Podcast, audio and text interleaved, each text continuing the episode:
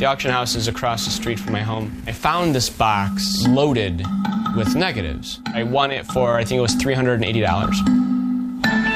Parla de dòlars i segur que algú doncs, ha guanyat diners, però no la seva protagonista, no la protagonista de les fotografies de les que avui parlarem, perquè tenim ganes de parlar amb un home que en sap molt de cine i també de moltes altres coses. Bona nit, eh, Andreu. Bona nit, què tal? Andreu Meixida, ja sabeu que cada setmana ens ve a parlar de cinema i avui parlarem de històries com la de Vivian Mayer, aquesta dona que s'ha fet famosa per fer un munt de fotografies en vida i quan s'ha mort, ara doncs documentals, etc. però quan estava viva ningú li feia cas, pobreta. Quan estava viva ningú li feia cas, eh, és més, ella segurament tampoc volia que ningú li fes cas, ella simplement feia les fotografies. La història de Vivian, eh, recollim aquesta història a partir d'un documental que és de l'any 2013, que va arribar a ser nominada als Oscar, que es diu Finding eh, Vivian Mayer.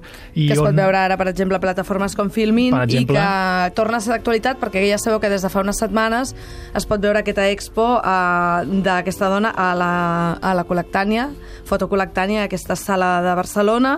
Fins al setembre podreu veure el, realment les fotografies que feia aquesta dona. Efectivament, la història és, és fascinant, la història d'aquesta dona, perquè és, eh, com explica el director de la pel·lícula, que és el protagonista, diguéssim, el que guia el fil conductor de la pel·lícula, ella es troba eh, una caixa, o compra una caixa de fotografies antigues de, mm, de la seva ciutat, de Boston, si no m'equivoco que era, uh. -huh. i llavors pues, descobreix que eren de la mateixa fotògrafa, però que ningú, no hi havia cap rastre a Google, no hi havia res sobre aquella dona. Comença a investigar, llavors tirant del fil, arriba a veure, a conèixer la història, a, fins i tot arriben alguns familiars llunyans que viuen aquí a França, doncs, a conèixer la història veritable d'aquella gran fotògrafa, que és una fotògrafa magnífica, mm -hmm. si ens apropem a l'exposició sí, Colectònia sí. ho podrem comprovar, magnífica, com hi havia altres de la seva Els època, nivell, nivell com Diane Arbus, eh? o, o, o, molt, o, o tranquil·lament Eve Arnold, o, o qui sigui, les fotògrafes mm. grans d'aquella època. Però ella era a mainadera, ella no es dedicava a la fotografia, sinó que es dedicava, es guanyava la vida, era una persona soltera, sense família, com a mainadera de famílies... A més a més, com amagant una mica també la història familiar, no? Totalment, sí. Aquí Vull dir que no sabíem si és que no, vol deixar no tenia la família o, o, o l'havia repudiat. O l'havia repudiat, no vol deixar rastres.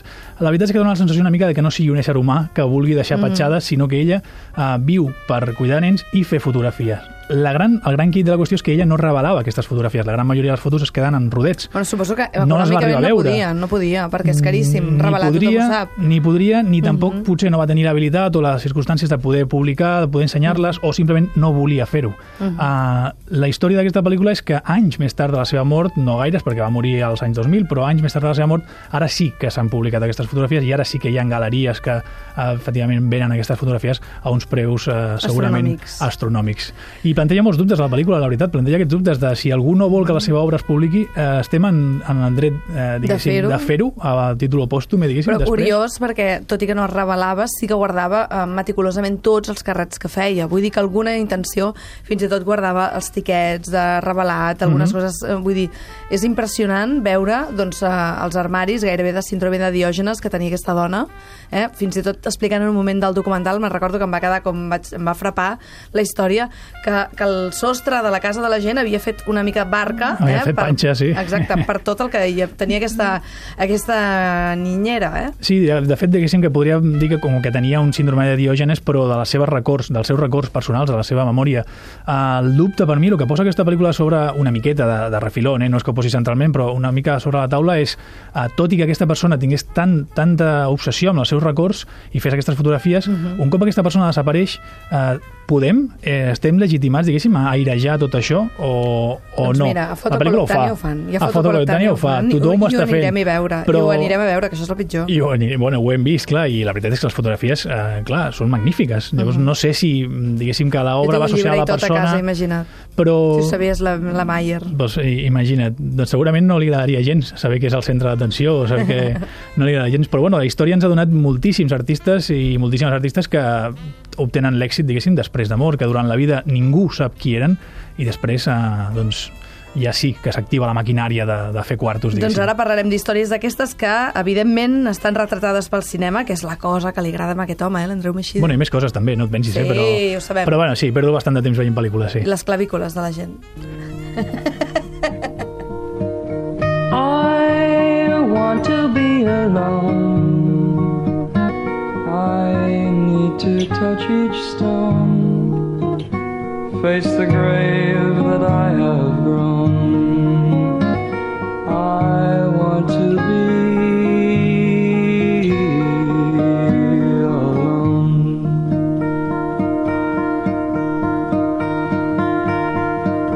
Before Aquest home tan elegant, aquesta, aquest folk eh, tan sensible, és uh, l'autor d'aquesta cançó, és en Jackson C. Frank, li hem de dir així. Sí, sí. I era un senyor que tu em deies que va triomfar molt a l'època... Als anys 60. Mm -hmm. És un senyor que de molt jove va tenir un accident molt greu, que a l'escola, a la classe del costat de la seva escola va explotar la calefacció i van morir quasi tots els seus companys, però ell va sobreviure. I la història és fascinant, és de pel·lícula, tot i que no s'està aconseguint fer la pel·lícula, és una pel·lícula maldita sobre aquest senyor, mm -hmm. perquè mentre ell es recuperava d'aquell accident, li va passar una mica com li va passar a Julio Iglesias, que el, el professor de música en aquest cas li va portar una guitarra i ell, en la recuperació a l'hospital, va començar a tocar la guitarra, se li donava bé, va acabar traient un disc també eh, aprofitant-se de la, dels diners que va guanyar de la, del, del seguro, diguéssim, d'aquell accident, mm. i aquell disc va ser molt conegut, sobretot a Gran Bretanya. Uh, aquell disc era de folk, com el que estem sentint ara mateix, només va treure aquest disc, es va relacionar amb gent molt important del seu moment, uh, amb el senyor Simon Garfunkel, bueno, els senyors i, i molta gent d'aquell- d'aquella època, però no va quedar bé del cap, diguéssim, després d'aquell accident. Mm. La vida li va començar a anar tot girat, tot girat en contra, i va acabar doncs, morint eh, com un rodamont, pràcticament. És a dir, no, no, no va tenir l'èxit durant en vida que havia tingut el seu primer àlbum i únic àlbum a la vegada. Però tot i així, uh, hi ha molta gent que encara el defensa i diu que és Moltíssim. una mena de, de... Vaja, de persona a qui aspirar, de manera de fer... Sobretot de... musicalment, clar, perquè aquell disc va ser, és, és molt bo, està penjat. De fet, mm. això que estem sentint va sortir a la banda sonora de la pel·lícula Electroma, que van fer els Daft Punk l'any 2006, i és magnífica. La, la pel·lícula Electroma eh, visualment és magnífica, i la banda sonora que van triar, que no, és, no són obres seves de Daft Punk, sinó que són obres triades, hi han dos cançons de, de, de C. Frank. És una persona que realment no entenc com la pel·lícula de la seva vida, que és increïble, perquè hi ha molts més episodis dramàtics a la seva vida. Per exemple, va perdre un ull amb un accident d'unes nenes jugant amb una pistola a un parc, accidentalment, aquest senyor ja gran. És a dir, una, Sí, una vida que de- no entenc com la pel·lícula que li estan fent no surt endavant, Ja. no l'aconsegueixen finançar. The és una producció francesa... Superman, sí, però Exactament. aquesta Aquesta no. La, la pel·lícula de Jackson pues, és una producció, dic, francesa que no està aconseguint eh, tirar endavant. No... no. Potser d'aquí un temps, quan, uh, quan ens tornem a veure l'any que ve ja, ja ho tenim, això. Mira, podria, No? ser que, podria ser que tinguéssim aquest Blues La the, pel- run the Game, Exacte. Blues run, run the Game, Blues Run the Game, que ja et dic, no run pel·lícula. encara, no, run, run. massa perquè no, no està sortint endavant, però jo Mhm. crec que la pel·lícula té tots els ingredients, perquè és que la història és increïble. Doncs els animem des d'aquí. Anem a parlar d'una altra pel·lícula que té com a protagonista un pintor molt i molt conegut.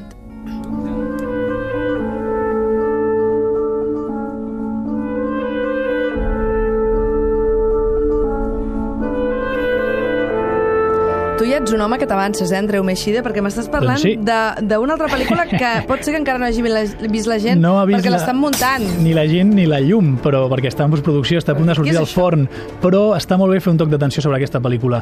No, bueno, tots coneixem la història, és la història de Vincent Van Gogh. Clar, Van Mhm. Gogh va ser, com no, un d'aquells artistes que en vida va ser molt fracassat, diguéssim, molt no, no reconegut. Si després de mort, doncs, ha, ha sigut tot el que ha representat per la història de l'art i, i la cultura occidental. Però la pel·lícula que li estan fent ara des de Polònia és una producció polonesa eh, dirigida per Dorota Kobiela, que el que fa és eh, reconstruir, fer un biòpic de la seva vida Mhm. a partir d'unes tècniques de, diguéssim, d'animació que reprodueixen les pintures de Van Gogh. És a dir, tu estàs tenint la sensació de veure quadres de Van Gogh, però en moviment, en moviment explicant la pròpia història de Van Gogh. I és un esforç titànic de, de tècnica, cal veure com tanquen el guió. Jo tampoc he acabat de veure la pel·lícula, uh -huh. tot el procés de la pel·lícula fascinant de, de rodatge i de, i de muntatge, sobretot. On estaves tu, que ho saps tot això? Estaves a Polònia? Vas anar a Polònia? Mm. No estava a Polònia, però tenim una cosa avui dia, Tens Virgili, que es diu internet, saps? Què Ja? dius? I a través No d'internet trenquis pots, pots entrar en contacte fins i tot amb la gent que està fent les coses en cada moment. Que fort, em doncs sembla sí, tot imagina't si, si Van Gogh conegués internet avui dia. Loving Vincent es dirà aquesta pel·lícula, però aquesta sí que té data d'estrena, no? Podríem dir. Aquesta tindrà data d'estrena segur i no trigarà gaire perquè és una pel·lícula que ha passat per tots els mercats de grans festivals I com sempre eh, s'ha ja. s'ha s'ha conegut el senyor Van Gogh per tenir aquesta pintura que sembla realment que es mogui, eh? aquests Mhm, xipresos, exacte. aquests sols, aquests etc, aquests girassols, doncs serà fàcil buscar-li una animació a això. Fàcil, a veure, jo no ho sabria fer, m'explico? Dient-li això als no- editors, a veure què, què Ah, n'opinen, de si ha sigut fàcil o no. Però que s'ho han currat molt i que, escolta, que això sortirà d'aquí res. Esteu molt pendents d'aquestes històries. I anem a parlar d'una altra història, que no és exactament com totes les que veníem parlant, perquè aquest senyor, diguéssim que ha tingut el seu moment de glòria, el seu minut de glòria, com. Andy Warhol, Mhm. eh? mm, que ens deia allò de que tothom té el seu minut de glòria, però, però vaja, estava allò a, a puntet de no tenir-lo.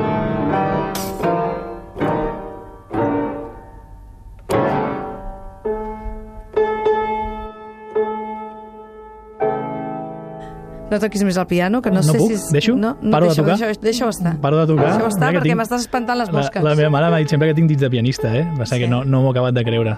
I nas Ah, d'escriptor. I nas d'escriptor jueu, també.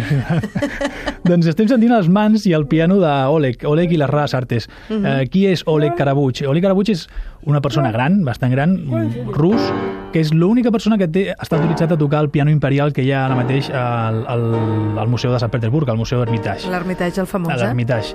Ah, clar, és una persona que, veient una pel·lícula que ha fet l'Andrés Duque sobre ell, que és un retrat, una pel·lícula retrat Andrés sobre... Duca, eh, director barceloní... Sí, eh, arrels, latino, arrels, arrels latinoamericanes, però que està afincat aquí a Barcelona i que ha fet grans pel·lícules, sobretot amb molt bons resultats en festivals. Llastimosament aquestes pel·lícules no arriben a la pantalla gran perquè arriben a un altre tipus de cinema, però aquesta pel·lícula és fascinant, ha, ha guanyat molts premis al punt de vista, al, al Festival de Cinema d'Autor d'aquí a Barcelona, ha anat recollint perquè el que fa és posar-nos sobre la taula un retrat d'una persona, primer, que no queda clar si és un, evidentment és un virtuós del piano, però no queda clar si és un geni o s'ha passat de voltes, diguéssim, que és una, un, un punt, un enfoc molt, molt interessant, saber de, a qui estic mirant, si estic mirant un geni realment del... I a més a més que li donien el permís de, de, de justament tocar aquest piano real en un lloc com l'Hermitage, que, o sigui, és a dir, és curiosa la història, no? És molt curiosa la història, és molt desconeguda la història, és un absolut desconegut per als propis eh, russos, diguéssim, per la seva contemporaneïtat, i és el que em fa pensar que, doncs, segurament, persones com, com ell, com, com l'Oleg, deuen haver-n'hi molts, que simplement no hi ha algú que li fa una pel·lícula, no hi ha algú que li fa una novel·la o un disc o alguna cosa, i llavors desapareixen i es perd la seva art. És un, és un privilegi poder veure aquest senyor tocar el piano i explicar, sobretot com explica la vivència de la música a través de, de, de sentiments, de, de aspectes que no són molt habituals avui dia perquè estem molt més fixats en la tècnica, en l'execució, que no, no en el sentiment, diguéssim. Una pel·lícula que jo crec que val molt la pena. Espero que tinguem eh, d'aquí poc oportunitat de veure-la en plataformes online, sobretot, i tant de bo en alguna pantalla gran, més a part de les dels festivals, que ja ha passat i ha recollit tot el que segurament havia de recollir, però no, no ho tindrem fàcil, perquè aquest cinema no, no convencional, diguéssim, no... Donem, donem un, o sigui, els, Sí, a plataformes online, Filmins i companyia, jo espero que sí, que tindrem, tindrem oportunitat de poder disfrutar d'Oleg i les rares artes, la veritat és que sí. Doncs Oleg i les rares artes d'Andrés Duque, també el Loving Vincent, que estigueu pendents perquè aviat estarà als cinemes, i la història de Jenson C. Frank, mm, allò creuem els dits perquè algun dia vingui amb aquest Blues Run the Game, i si no, doncs Finding Vivian Mayer, que es pot veure a Filmin i a moltes altres plataformes. O sigui que creuem els dits perquè tot aquest cine i sobretot totes aquestes persones que són protagonistes d'aquestes històries continuïn existint i, vaja, Virgili, tu, tu vols que et fem, Virgili, una pel·lícula?